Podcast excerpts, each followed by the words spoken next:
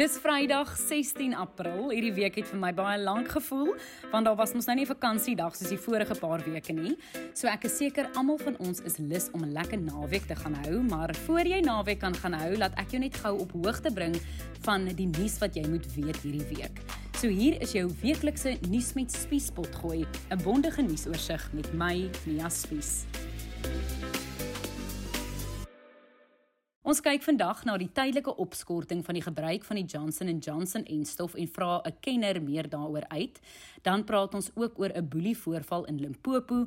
Ons kyk ook wat hierdie week by die Zondo-kommissie gebeur het en hoekom oud-president Jacob Zuma nou weer paal in die hoofopskrifte was. Dan laastens praat ons oor Brittanje se prins Philip wat Saterdag te ruste gelê word. Laat ons wegval met hoofnuus hierdie week en dit is dat die landwyse inentingsprogram met die Johnson & Johnson enstof tydelik opgeskort is. En dit kom nadat die Amerikaanse Voedsel- en Dwelmadministrasie, ook bekend as die FDA, hulle Johnson & Johnson program gestaak het weens kommer oor 'n baie klein voorkoms van bloedklonte wat ontwikkel het by 6 vroue van die meer as 6 miljoen Amerikaners wat daarmee ingeënt is. Ons minister van gesondheid, Dr. Zweli Mkhize, het hierdie week aangekondig dat die uitrol van die Johnson & Johnson enstof hier op eie bodem ook tydelik gestaak gaan word as 'n voorsorgmaatreël. Die Suid-Afrikaanse Reguleringsowerheid vir Gesondheid, sowel as die Ministeriële Advieskomitee oor COVID-19, vergader nou oor die kwessie en hulle wil dit so gou as moontlik opklaar. The feeling has been that uh, because this um, uh, announcement has come from the uh, FDA, uh, and we, we would need to collate as much information. Uh, we think that it's a precautionary, uh, precautionary, uh, you know, halting. So it's not like a, a, we're closing down on the, the Johnson and Johnson. As soon as the information is made available, we're quite certain that we should be able to move on. But when there's concerns that have been raised, we believe it's important to take them seriously. And so, in the current consultation that we've gone through, we have uh, seen that uh, uh, this is what we need to do. Mkhize sê daar was nog nie een soortgelyke geval in Suid-Afrika wat op 'n patroon dui van die vorming van bloedklonte na die Johnson & Johnson enstof toegedien is nie. Net meer as 290 000 landsburgers is al daarmee ingeënt. Ek het vir die pulmonoloog Dr Dante Plekker gevra wat hy van hierdie opskorting dink. Ek dink op hierdie stadium weet ons nie presies wat die risiko is nie. So daar is 6 gevalle gerapporteer in Amerika van 'n raar tipe van bloedklont wat ons ehm um, cerebrale venese sinustrombose noem. Nou die normale insidensie daarvan is omtrent 1 in 'n 100 000 mense per jaar. Daar's nou 6 gevalle hiervan in Amerika aangeteken uit omtrent 6 miljoen vaksinasies. Die probleem is dat ons nie op hierdie stadium kan sê of daar duidelike verband tussen hierdie klonte en uh, die COVID-19 vaksin kan wees nie en of dit hierdie blote toevallige bevinding is nie.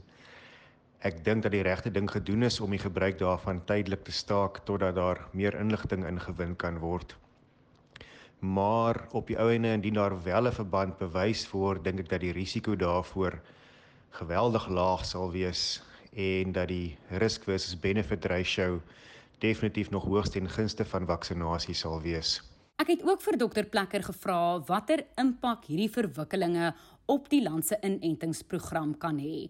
Ons weet die regering loop onder vel kritiek deur juis omdat die inenting so stadig vorder. Hierdie staking van die inentings is olie op die vuur van die sogenaamde anti-vaxxers, maar ek dink my boodskap op hierdie stadium is net dat al die korrekte stappe gevolg word om seker te maak dat die inentings wat toegedoen word wel veilig is en dat mense gerus moet voel om voort te gaan daarmee.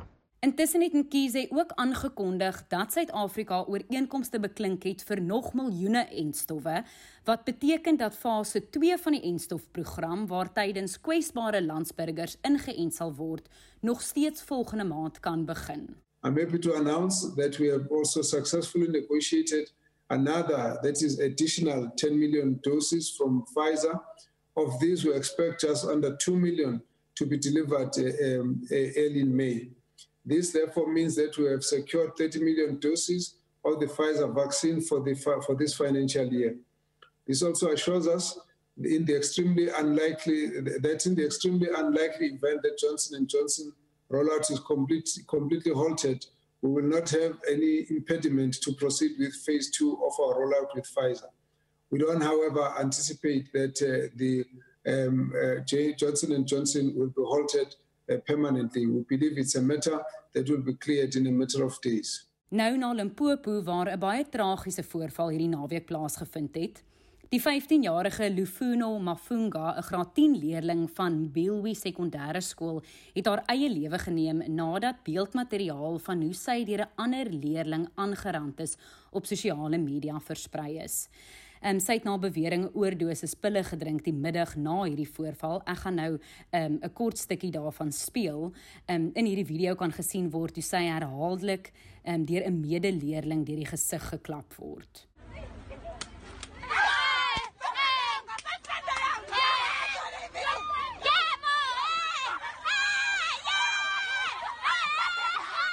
'n 15-jarige leerling van die skool is intussen in hegtenis geneem en die provinsiale departement van onderwys het gesê haar vervolging sal volgens die riglyne van die kinderwet geskied.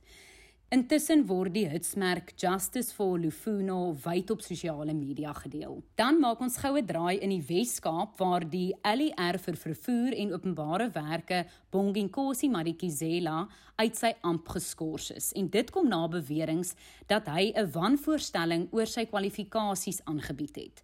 Die premier van die Wes-Kaap, Allan Windey, het donderdag in 'n verklaring gesê, um ongeruimthede in um, Madikizela se CV word nou ondersoek vir die volgende 14 dae en hy is nou vir 14 dae geskort. Volgens Madikizela se CV op die provinsiale regering se webwerf het hy 'n BCom graad in menslike hulpbronbestuur. Maar die Daily Maverick berig Madikizela het nie hierdie graad soos wat hy op sy CV beweer nie. En hierdie nuus het nou aan die lig gekom enkele dae nadat Madikizela bevestig het dat hy 'n kandidaat is vir die burgemeesterspos in Kaapstad. Nou na die Zondo-kommissie van ondersoek na staatskaping waar daar weer baie gebeur het hierdie week, net eerstens wil ek noem dat die vervreemde vrou van die voormalige minister van finansies Malusi Gigaba nie meer voor die Zondo-kommissie wil getuig nie. Norman Goma se getuienis sou gefokus het op Gupta verwante sake. Ehm um, en sy sou onder meer getuig het oor Gigaba se geldsaake. En sy het op nommer 99 haar samewerking onttrek en sy het gesê die rede is ehm um, glo die manier waarop haar beoogde getuienis hanteer is.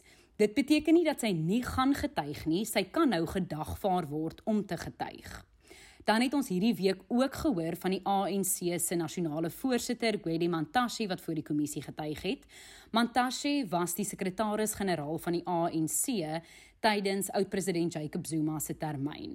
En hy het onder meer in sy getuienis gesê Zuma se eerste termyn was baie suksesvol en hy het ook gesê die ANC het glad nie 'n beleid oor kaderontplooiing nie. Luister wat hy te sê gehad het. Deployment of cadres should not be reduced to just taking an individual put there. That's not. There's a lot of emphasis on the development of the capacity and capabilities of the individual. Dan is daar ook 'n nuwe datum bekend gemaak wanneer president Cyril Ramaphosa voor die kommissie sal getuig. Ramaphosa se getuienis vir 22 en 23 April is uitgestel na 13 en 14 Mei maar hy gaan nog steeds 28 en 29 April getuig um, in sy hoedanigheid as president van die ANC en dan gaan hy volgende maand in sy hoedanigheid as president van die land getuig. So nou van die president na die voormalige president wat weer om verskeie redes die hoofopskrifte gehaal het hierdie week. Kom ons kyk gou kortliks hoekom. Eerstens was daar die jongste hofuitspraak teen oud-president Jacob Zuma Die Hooggeregshof het bevind dat Zuma die meer as 16 miljoen rand wat die regering tot dusver vir sy persoonlike regskoste in die sogenaamde wapenskandaal korrupsie saak uitgehaal het, moet terugbetaal. Dan tweedens was Zuma ook in die hoofopskrifte omdat hy in 'n 21 bladsy lange verklaring gesê het dat hy 'n gevangene van die konstitusionele hof is. So Zuma weier natuurlik om met die kommissie van ondersoek na staatskaping saam te werk, al het die konstitusionele hof opdrag gegee dat hy moet. Daarna het hoofregter Raymond Zondo hom tot die konstitusionele hof gewend sodat Zuma skuldig bevind moet word aan minagting van die hof en moontlik tronkstraf opgelê moet word. So hoofregter Mogoeng Mogoeng het toe versoek dat Zuma hierdie week moet terugvoer gee en antwoord gee oor wat hy dink 'n gepaste straf sou wees as die hoogste hof in die land hom skuldig bevind.